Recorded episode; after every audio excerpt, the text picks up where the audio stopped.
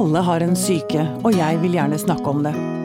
Det er det vi gjør her, sammen med huspsykiater Anne Kristine og en gjest. Dette er Pia om syke. Igjen, eh, Anne Kristine, så blir jeg jo slått av eh, hvor mye vi mennesker klarer å takle. Det er eh, imponerende. Noen, eller vil si, noen klarer å takle det. Lurer jeg, det har jeg ofte lurt på. Hvorfor noen takler noe og andre ikke. Jeg vet at du ikke liker å snakke om sterk og svak syke, men eh, det er kanskje noe med det Ja, det snakket vi om helt til å begynne med i serien. Mm. Verktøyene man får, har fått utdelt. Ja. Det er jo altså, komplisert og sammensatt. Mm. Eh, og det er jo både hvem man er personlighetsmessig, selvfølgelig noe med hvilken arv man har med seg, litt om hva slags miljø man vokser opp i på veldig mange forskjellige måter, hva slags nettverk man har. Altså det er veldig mange ting Ja, som, eh, som avgjør hvordan det går med oss her i livet. ikke sant. Um, for gjesten vår i dag så eh, vil jeg vel si at utfordringene har vært i overkant. Eh, alt lå vel i grunn til rette for at det ikke skulle gå så bra med deg. Morten Joakim, velkommen hit. Tusen hjertelig. Herlig å være her. Det er kanskje en litt slem innledning, men, men det var du, du fikk veldig mye fra veldig tidlig alder, egentlig fra du var født. Ja, sånn på et statistisk plan så stemmer sikkert det. Ja. Mm. Begynne i en annen ende, begynne i dag. For du eh, er mannen bak Fire begravelser og et bryllup, forestillingen som du har. Som er deg. Deg og gitaren din. Begynne der. Hvorfor laget du denne forestillingen? Jeg laget den fordi jeg følte at jeg kunne anskueliggjøre noen nyanser i det å være menneske som jeg kanskje tenkte at kunne være interessant for andre å høre også. Mm. Følte at jeg ble veldig mye bedre kjent med meg sjøl, men også kunne drøfte noen sånne interessante tankemønstre, da, som jeg på et eller annet vis Mm. følte at muligens var til stede i andre mennesker også, at det var litt uavhengig av hvilken bakgrunn jeg hadde hatt, så kunne andre føle det samme, Mm. og på den måte ufarliggjøre Ufarliggjøre både min egen fortid og, og tanker vi alle sliter med. Ja, jeg var jo så forestillingen for noen uker siden. Eh, gjorde veldig inntrykk. Og jeg satt, husker jeg satt og tenkte etterpå at du har en veldig forskjellig bakgrunn eh, fra min, men allikevel så traff det veldig mange kjente strenger i meg. Det er jeg veldig glad for å høre, da. Mm. Eh, din historie. Du ble født. For å begynne på begynnelsen. Ja. Eh, og dine foreldre var begge narkomane. ja. Mm, ja. Hva er ditt første minne? Oi. Um, jo, jo, det er jo det er, det er ikke et oi. Det var et falskt oi. Ja, Um, et dramatisk oi. Ja, det var det. Kanskje kokett. Um, du, uh, det er bare at jeg aldri har snakket om, uh, om det før. Med noen. Mener du det? Ja. Hva? Uh, mitt første minne er at jeg ikke vil gå inn i en leilighet hvor jeg antar at min biologiske mor og min nye far, altså min stefar, som jeg snakker om i forestillingen, som jeg Mm. åpner forestillingen med, Mm. eh, er. Hvor de er inne i den leiligheten, og jeg sitter på eh, armen til mormor og, og, og gjør en slags eh, Kjemper en sånn desperat kamp for å slippe å gå inn i den leiligheten. Det er det første minnet jeg har, faktisk. Akkurat. Sånn. Men det var Og da litt hvor gammel var du, tror du? Hvis du satt på armen, så må det ha vært en sånn tre Ja, ikke sant. Noe sånt noe, vil man tro, da. Jeg veit ikke. Nei. Em, jeg vil tro at jeg var Jeg vet hva, jeg veit ikke. Nei. Nei. Ehm, jeg holdt på å si hvor jeg vet ikke hvor jeg, helt hvor jeg skal begynne. Altså, ehm, eh, dine foreldre klarte rett og slett ikke å ta vare på deg. Er vel uh, en god beskrivelse. Altså, ja, du- det, det er vel ganske dekkende. Mm, mm, mm. For de var begge narkomane, og eh, drev også og deala. Ja, de hadde flyttet til et uh, hippiekollektiv i Kristiansand uh, for å roe litt ned, men uh, det endte opp med en slags sånn derre ja, en, en narkosaus i det kollektivet. Mm. Um, jeg, eller jeg tror de hadde det veldig fint en stund der, det var veldig idyllisk og, og det var grønnsaker på en liten åker og sånne ting. Mm. Men så ble hele gjengen kasta ut i et eh, ja, ut i rus igjen etter at etter en liten ulykke hvor en person døde i det kollektivet. Mm. Og da begynte moren min med heroin igjen, og, og eh, faren min med amfetamin. Mm, Som var deres eh, respektive rusmidler. Mm. Um, noe som gjorde det litt vanskelig for dem å få det til å fungere i hverdagen, for han var opp og hun var ned. Eh, men i hvert fall så Men de var jo fryktelig karismatiske og hyggelige mennesker begge to, så de Så jeg mm, eh, så de fikk det på et eller annet vis til å fungere en stund. Mm. Så de- Men var du med, må jeg spørre, var du med dem her i dette kollektivet? Ja, der Ja, bodde der jeg i det kollektivet, ja. Og jeg var også med på den dealinga, for det er en story jeg ikke forteller i, i, for, i forestillinga. Okay. Ja, for rett og slett fordi det blir for langt. Men det som skjedde var at de dro til Oslo for å begynne å deale, for å finansiere eget forbruk, så de blei med på en sånn stor narkotikahandel, begge to. Mm. Hvor de dro ned til Gøteborg, og så på vei inn i Norge igjen, så ble de tatt. Men da var jeg satt igjen i Gøteborg. For, hos noen folk da, som sikkert var hyggelige, de, altså, for all del. Men som ikke du kjente? Men som jeg, ikke jeg kjente, nei. Og, og da, da begge ble tatt, så, så lurte jo selvfølgelig mormor på hvor er Morten?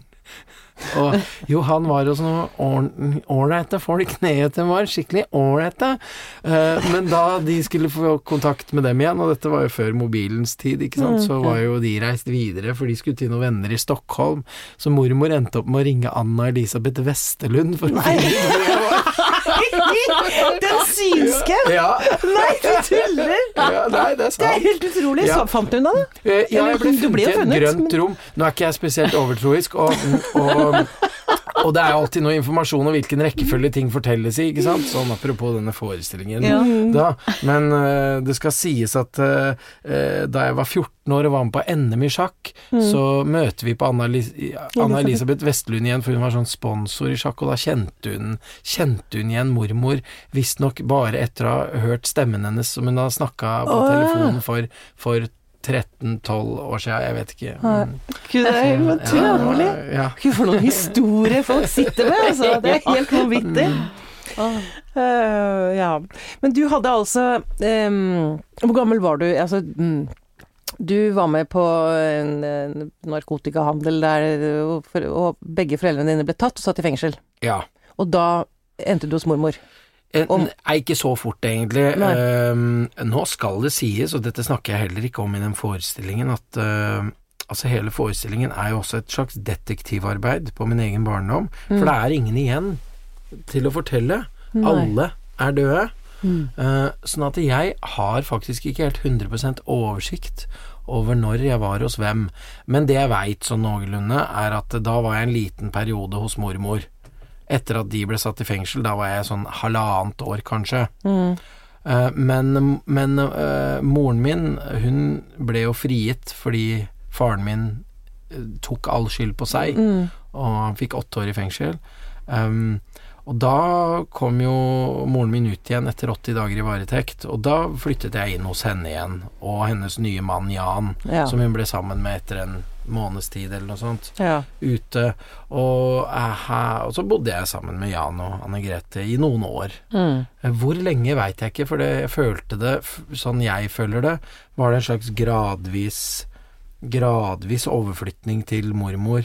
Og Henry. så- ja, og Henry, ja. Mm. Mm. Hennes nye mann. eh, en, en hedersmann, eh, eh, for øvrig. Men men grunnen til at denne, dette føltes veldig flytende, var at jeg var jo hos de hver helg på en sånn hytte oppe i Etnedal. Så det ga meg på en måte barndomsminner. Ja. Eh, eh, veldig sånn normaliserte barndomsminner. Mm. Selv om det kanskje var litt rocka stemning i byen. så, så var det Bar også barndommen veldig preg av å oppleve ting som barn i trygge hjem opplevde. Ja. Mm. fire begravelser. Det er eh, din mor, din biologiske far, din stefar og din bror. Ja, det er det jeg snakker om i, Eller det er det jeg snakker Det er det tittelen henviser til.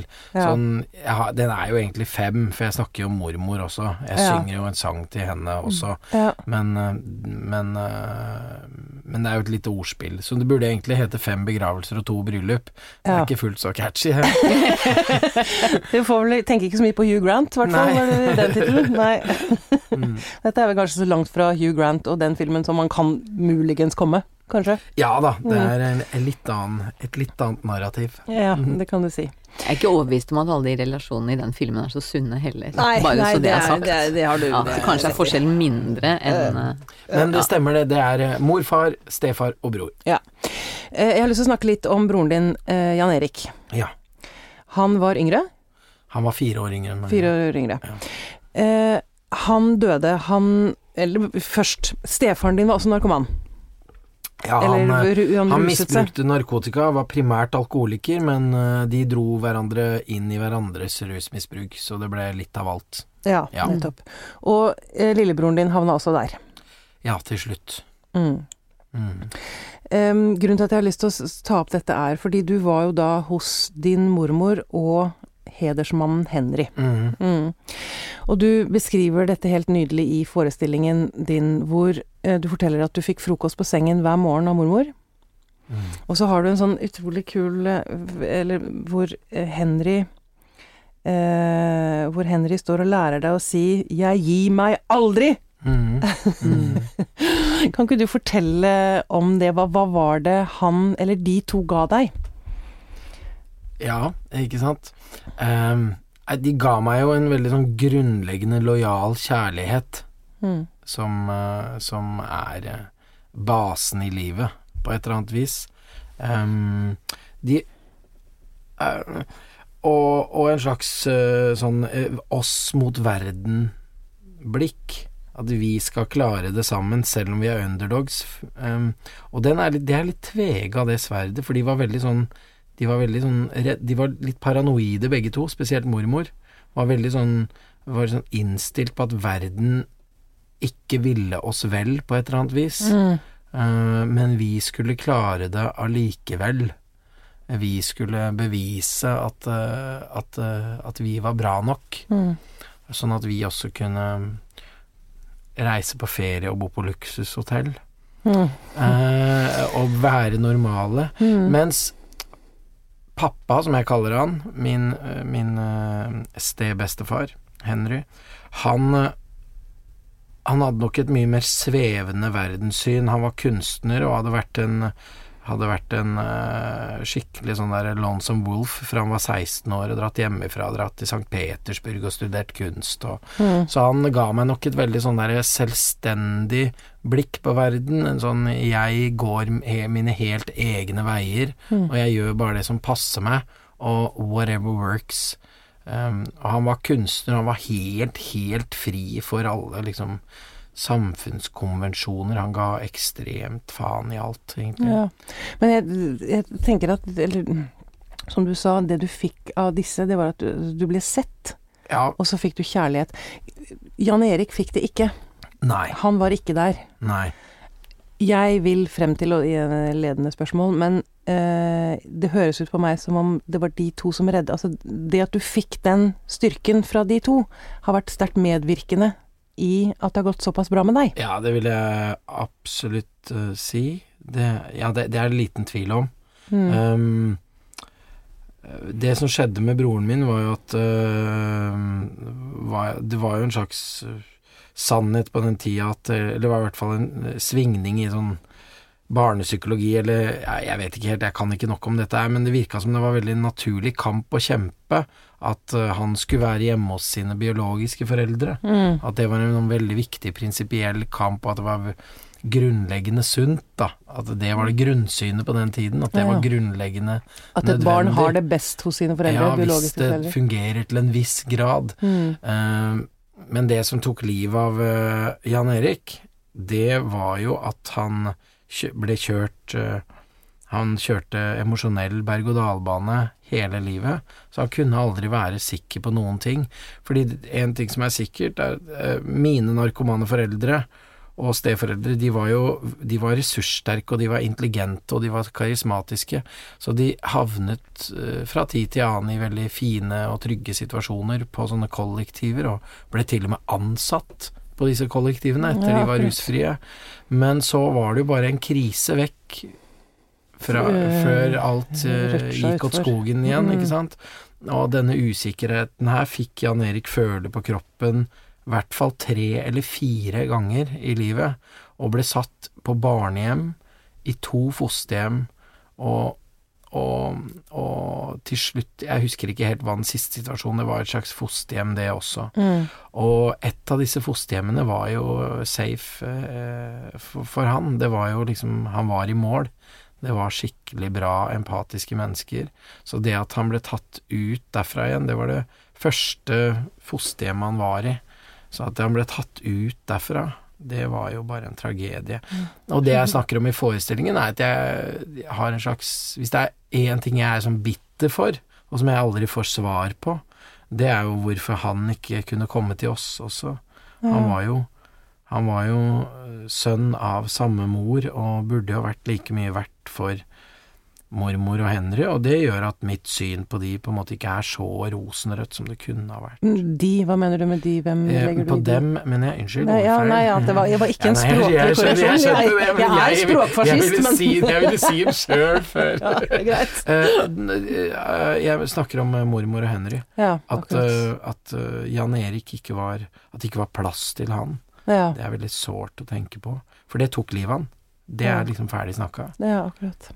Det forstår jeg veldig sårt. Um, Anne Kristine, hvilke tanker gjør du deg når du hører uh, Mortens beretning?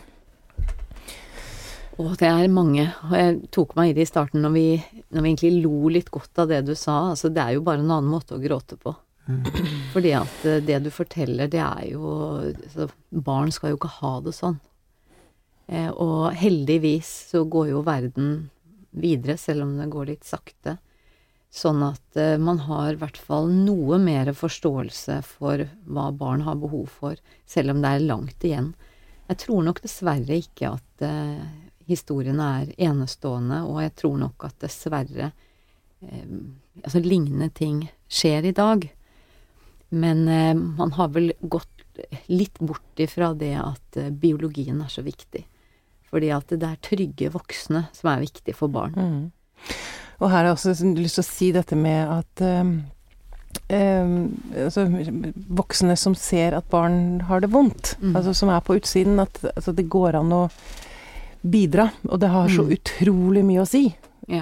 Um, ja, det vet vi har sagt dette i flere podkaster, men jeg tenker at det ikke kan sies nok, da. Mm. Mm. Nei, men at Mm. voksne, altså voksne må bry seg, Mm. Mm. og at det er aldri feil. Nei. Mm. Nei. Åh, der har jeg en sår, et sårt minne, faktisk. Hvor jeg er på toget til Gjøvik med min eh, eldste datter, og hun er Hun var da typ to år. Mm. Fortsatt bleiebarn. Mm. Og så møter vi på en mor som er i fullstendig oppløsning, og som ikke greier å ta vare på sønnen sin, og han havner inne i en sånn kupé med oss. Og vi må skifte bleie på han, og vi må vaske han, og det er fullstendig kaos, eh, og han og han er utrolig rolig, men så i løpet av en sånn halvannen time så roer han seg ned. Mm. Og så, og så Men når, vi skal gå, når de skal gå av toget, rett før Gjøvik, så, så klamrer han seg til oss. Mm. Og så greier jeg ikke å være åndsnærværende nok til å på en måte følge det opp. Mm. Mm. Jeg på en måte prøver å løse det som best mulig der, og, og gi han tilbake til henne. Og Åh, liksom gi han litt kjærlighet i øyeblikket øyeblikk, og det går bra. Men det, den, jeg glemmer det aldri, og det er 16 år siden. Ja. Jeg, liksom, jeg angrer ja. på at Jeg ikke på- kunne ja, At det ikke kunne liksom være noe mer. Men vi hadde en liten stund sammen, da, men hva betyr det? For han var to år. Men, Ja. men ja. Mm. ja. Men akkurat sånn, man får lærepenger, da. Ja, man Mm. gjør jo det. Mm. Men du, um, eh, det var vel også en stund det kunne gått galt med deg òg, for du også begynte å deale dop. Ja. Ja, ja, det er ganske utrolig, egentlig. Um, jeg um, ja, ja, ja, det gjorde jeg. Mm. Ja, Jeg det, eh, var i en uh, situasjon hvor jeg var litt lei av uh, å stå i stampe og ikke komme videre. mm. Og så tok jeg et ganske sånn kalkulert valg om å gjøre noe jeg visste åssen fungerte. Mm. Og jeg selv har aldri slitt med rusproblemer. Så jeg, mm, jeg har vært veldig Jeg var veldig liberal i den perioden. Men, mm, men eh, aldri slitt med det sjøl. Og så bare gjorde jeg det. Nærmest Ja. som en slags Jeg veit ikke, jeg. Det var en kalkulert økonomisk eh, tanke bak det, og så var det vel en slags sånn briljerende vilje til å gjøre det de hadde gjort, og uten å, uten å drite meg ut. ja, akkurat. Sånn Mestringsgreier, rett og Ja, jeg tror det. Jeg Ja. tror det. Jeg syns det var ordentlig moro. Ja. Ja. ja, det er, det er sterkt å høre.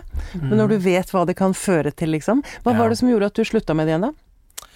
Jeg så det hele i fugleperspektiv. Jeg traff en eh, kvinne som jeg er gift med i dag. Mm. Uh, og mm, ja, det er vel, er vel en sånn elleve år siden cirka. Mm. Jeg traff henne så, og så hennes Eller så meg, datteren min, henne i en slags kontekst, så ja, så, så fremsto det jeg holdt på med som veldig tåpelig Ja. Mm. og, veldig, og veldig kortsiktig og, og, og uansvarlig. Fordi selv om jeg følte jeg hadde 100% kontroll over den businessen jeg dreiv da, så, så skal det jo ikke til en, en, eh, en uheldig tissepause over fjellet og et par bikkjer som må luftes. Altså, det, det, ting kan skje, da. ja. Så blir man tatt, og ja, så Ja, Mm. det er idiotisk. Eh, det etiske bak det, ja, det, det kan selvfølgelig diskuteres, og jeg har ikke noe problem med å innrømme at det er feil, men sånn i ettertid så har jeg ikke noe anger på det, for det er så innmari Ja, det, det er, blir så meningsløst for meg. ja. Men, eh, men jeg angrer på Eller jeg angrer ikke, men jeg rister lett på hodet av eh, Av min evne til å reflektere over det da jeg starta med det. Ja. Det, det var ganske tåpelig.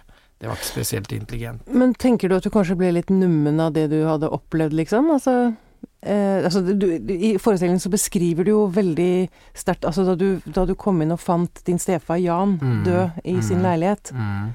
Altså du har jo vært gjennom en del ganske eh, brutale ting, vil jeg vel si. Mm. At Ja. man, kan man bli litt nummen av det? Skjønner du? ja, jeg, jeg tror det. Jeg tror At man ikke Eh, orker å forholde seg til følelser. Gi faen, liksom. Driter i det. Ja, det var vel litt sånn gi faen-greie. Jeg tror det går egentlig primært på at uh, handlingsrommet er litt annerledes når man er vokst opp sånn. Mm. Uh, alternativene, på en måte, er, er Det er flere alternativer, og kanskje noen færre alternativer, ikke sant? Mm. Um, for meg så har det aldri vært aktuelt å prøve å bli lege, liksom. Altså, eh, å gå den veien har aldri vært aktuelt.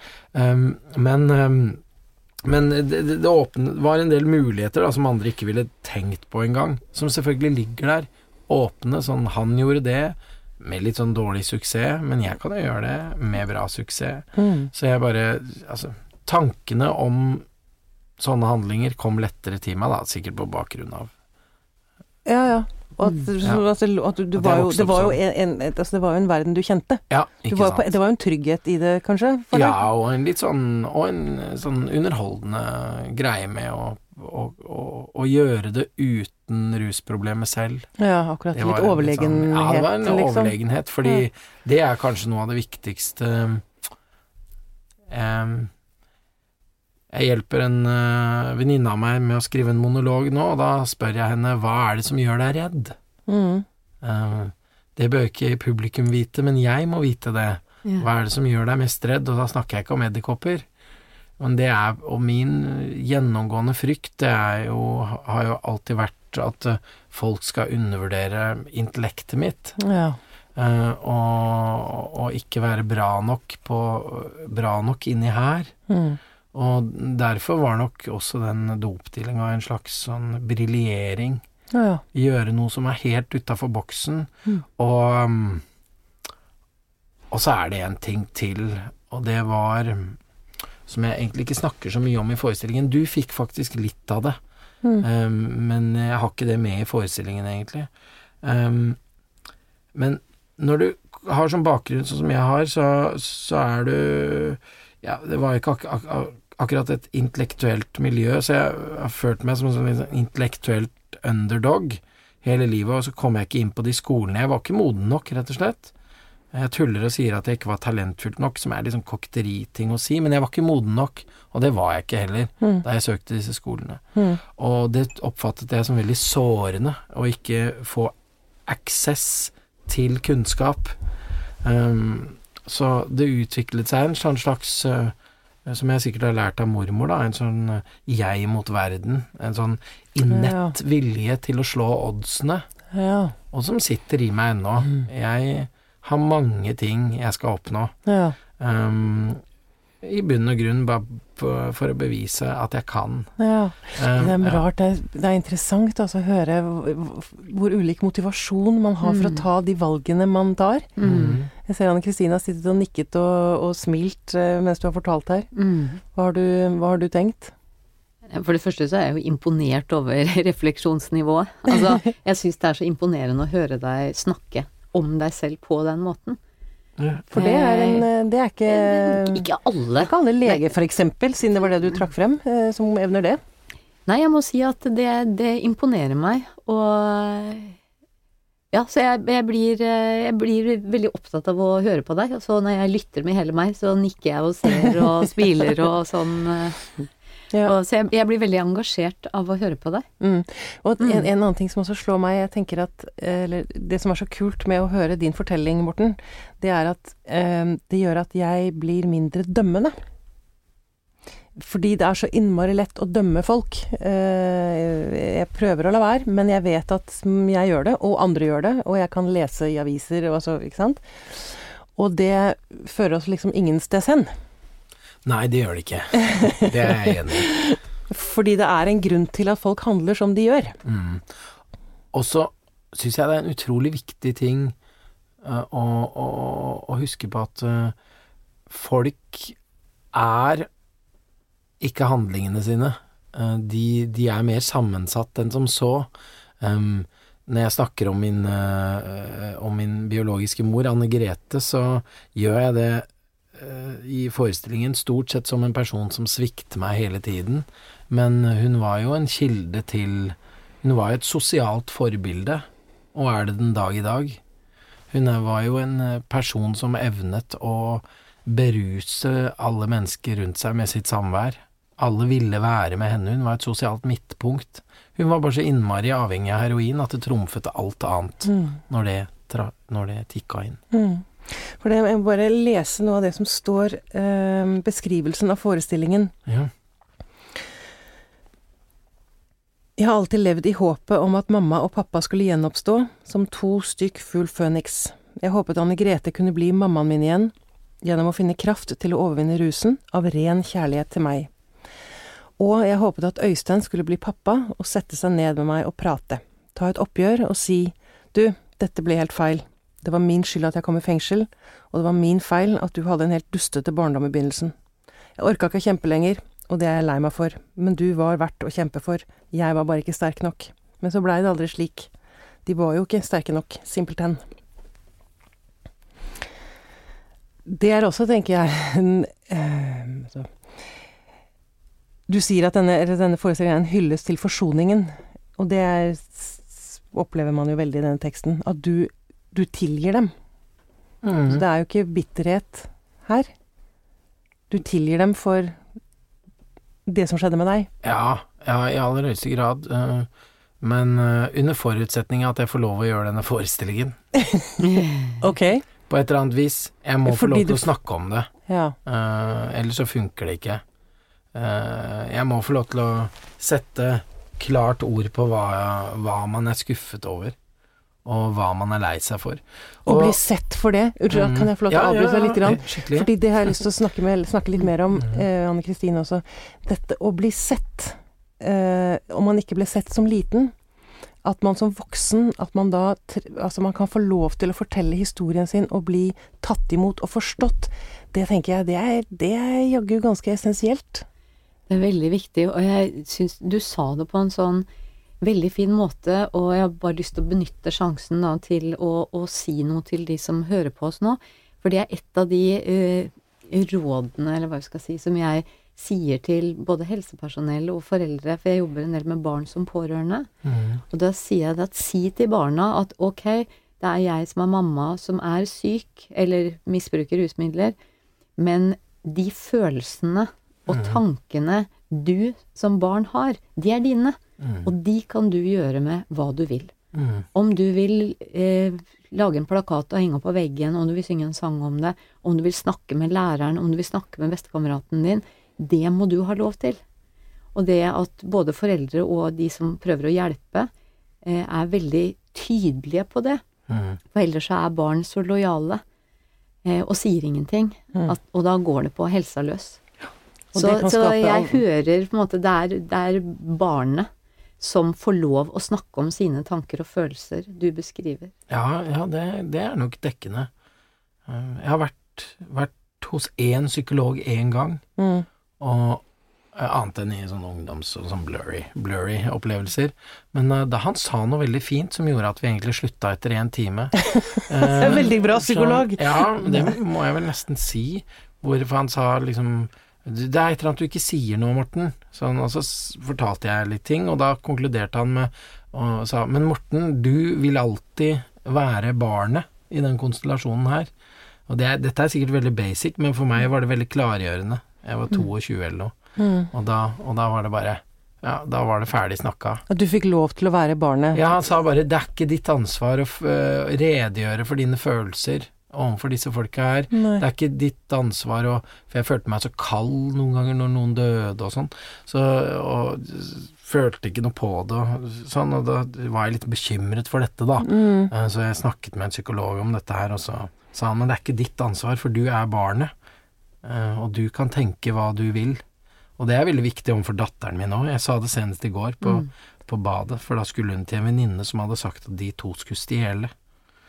Og da, og da sa jeg at du må huske på det at ingen har lov å bestemme over tankene dine. Og det var veldig, da fikk vi sånn fint berøringspunkt Ja. på badet i går. Ja, ja. Med, med nettopp det du sa. At, eh, Mm. tankene dine kan ikke noen andre styre. Mm. Um, I denne forestillingen din så um, Du har også skrevet uh, flere låter. Og jeg har lyst til å høre holdt på å si, tittelsporet fra forestillingen eh, din. Ehm, gidder du å spille for oss, eller? Ja, klart det. det. Altså, sangene i forestillingen er jo egentlig skrevet til hver begravelse. Mm, Og det var også de jeg skrev helt konkret til hver begravelse, mm, og, frem, og som jeg fremførte i, i de fleste begravelsene. Eh, unngikk det et par ganger. Men, eh, men i tillegg så har jeg laget en låt som på en måte rammer inn forestillinga. Mm. Så denne her låta er i en, en litt annen modus. ja. Mm. Jeg har hørt den før. Du kan bare glede deg, Anne Kristine. Det gjør jeg. Det gjør jeg. No pressure! Nei, nei, nei. Ikke ta det som press.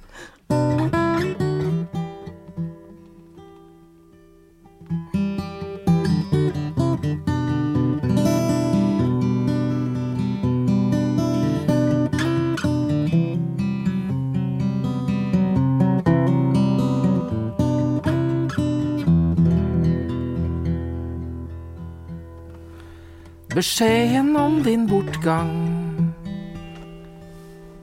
var tung å få. Og veien opp til kirken var vond å gå. Du fikk aldri sagt de aller siste orda, nå er du minst en meter under jorda et sted.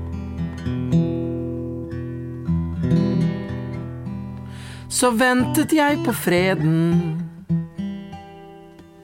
Den skulle visst komme snart. Et hvitt teppe over lyden. Og alt som var svart. Men Hvis du virkelig vil glemme, er det ikke særlig lurt å gjemme ting bort.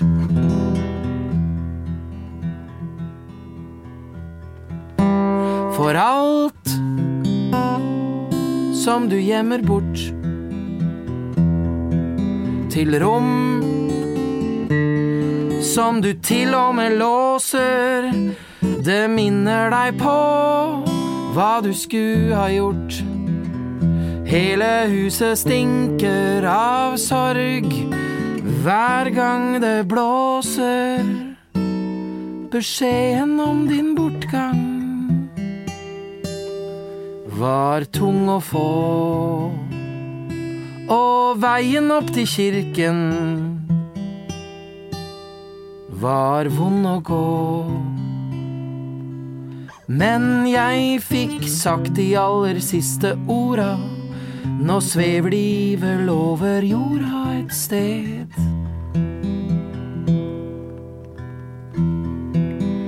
Men jeg fikk sagt de aller siste orda. Nå svever de vel over jorda et sted.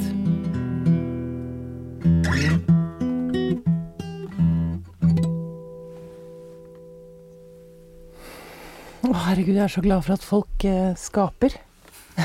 Tusen hjertelig takk. Åh. Du, ehm, Morten, en annen ting som gjorde veldig inntrykk på meg i eh, forestillingen din, det var Nå må jeg innrømme at jeg husker ikke helt settingen for det, men eh, din biologiske far Øystein, han ble lærer. Og han ble en høyt elsket lærer.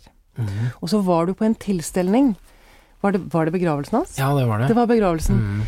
Eh, hvor ehm, det var noen som kom frem til deg og sa at 'Å, det er ikke rart at du ble så fin som hadde en så fin far'. Ja.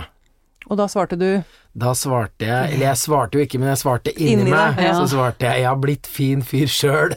Ja, ikke sant? Så ja. Det, ja. Ja, det var en ganske sånn emosjonelt vanskelig øh, setting å være i, for det varer jo litt, det varer jo litt disse situasjonene òg, ikke sant, så du må på en måte stå i det. Mm. Og holde maska, og det syns jeg man skal òg. Mm. Det handler jo ikke om meg i den situasjonen der. Og mm, det, handler, det er en annen kontekst. Men Og folk vet jo bare det de vet. Mm. Så det er jo ikke noe Det lå jo ikke noe Det, det var ikke noe ondskap bak den Nei, det var jo det eh, Jeg klandrer jo ingen for det heller. Nei. Men, øh, men jeg kjente at jeg levde, ja. Mm. Mm, jeg Det skjønner det. verste er at det sikkert var ment hyggelig. Ja, skikkelig. Ja, det er jo ikke sant, kompliment. Men, ja, ja. men eh, det jeg tenker her er, når du sier at 'det klarte jeg helt sjæl' ikke sant? Vi skal ikke undervurdere styrken igjen, og vi har snakket om det i, eh, mange ganger, men altså hva man faktisk også Hvis man eh, Altså, ja, styrken man bærer i seg, da. At det at man klarer å skape seg selv til et bra menneske. Mm. Det er en, eh, det er en Altså det må være en, en også en eh, stor stolthet.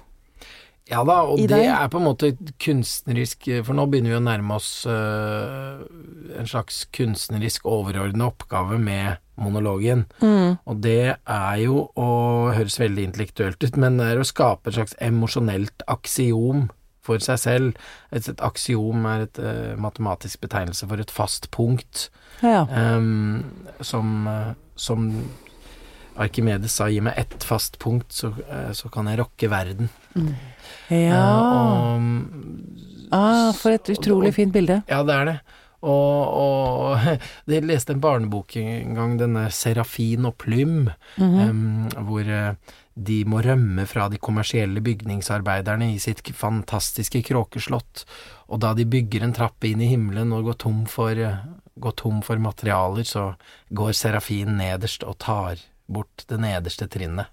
Og bygge, og, Og for å bygge videre inn i himmelen. så og det, det, det, For meg så var det en veldig sånn Har det alltid vært en veldig sånn emosjonell klangbunn i det bildet, fordi han på en måte bryter reglene og skaper seg et aksiom for seg selv og sin reise øh, som, uh, som, som er helt uavhengig av andre, hva andre syns om den personen. Ja. Uh, Dette er selvfølgelig mye mer komplekst enn som så, men jeg syns det er veldig viktig Det er en viktig utfordring for meg å klare å klare å se verdien av meg selv som menneske, helt uavhengig om jeg har mennesker rundt meg som er glad i meg.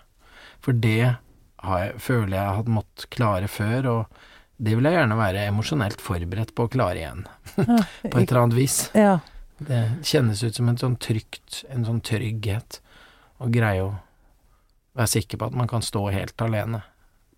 ja. Det er en viktig Det er jo noe trist over det òg, hører jeg når jeg forteller det. Det er noe, det er noe så- trist. Jeg, måtte, jeg, må, jeg kjente at jeg måtte tenke på det, for Ja. det er klart at um... Men det kjennes Men det positive med det er at det kjennes veldig kraftig, og, mm, og det er en stor mestringsfølelse, det er en stor trygghet i det, Mm. som gjør meg lykkelig. ja. Og da, whatever Og det, works. det betyr jo ikke at man, kan, at man uh, lukker andre mennesker ute, Overhodet ikke. ikke sant? Så det er bare at man ikke gjør seg helt avhengig av dem, eller, eller Ja, men, men, Det, det er dekkende. men jeg tror det er riktig det som du sa, altså at du oppdaga at det hørtes litt trist ut. Fordi at det er veldig mye styrke i det, og så er det veldig mye sårhet i det. Men det, Mm. er, men det gjør ikke noe.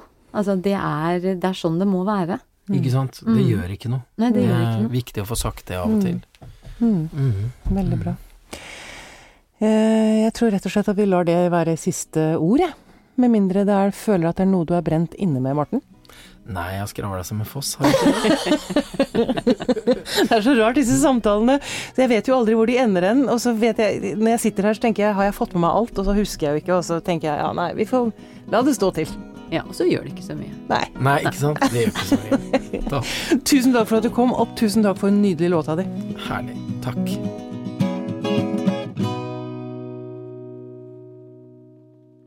Pia og psyken drives med støtte fra Ekbos legat, Stiftelsen Scheibler og Fritt Ord. Tusen takk for støtten. Takk også til dere som har vippset oss penger. Hvis du vil bidra, finner du oss på Vips ved å søke på Pia og psyken. Denne podkasten er produsert av Tid og Lyst.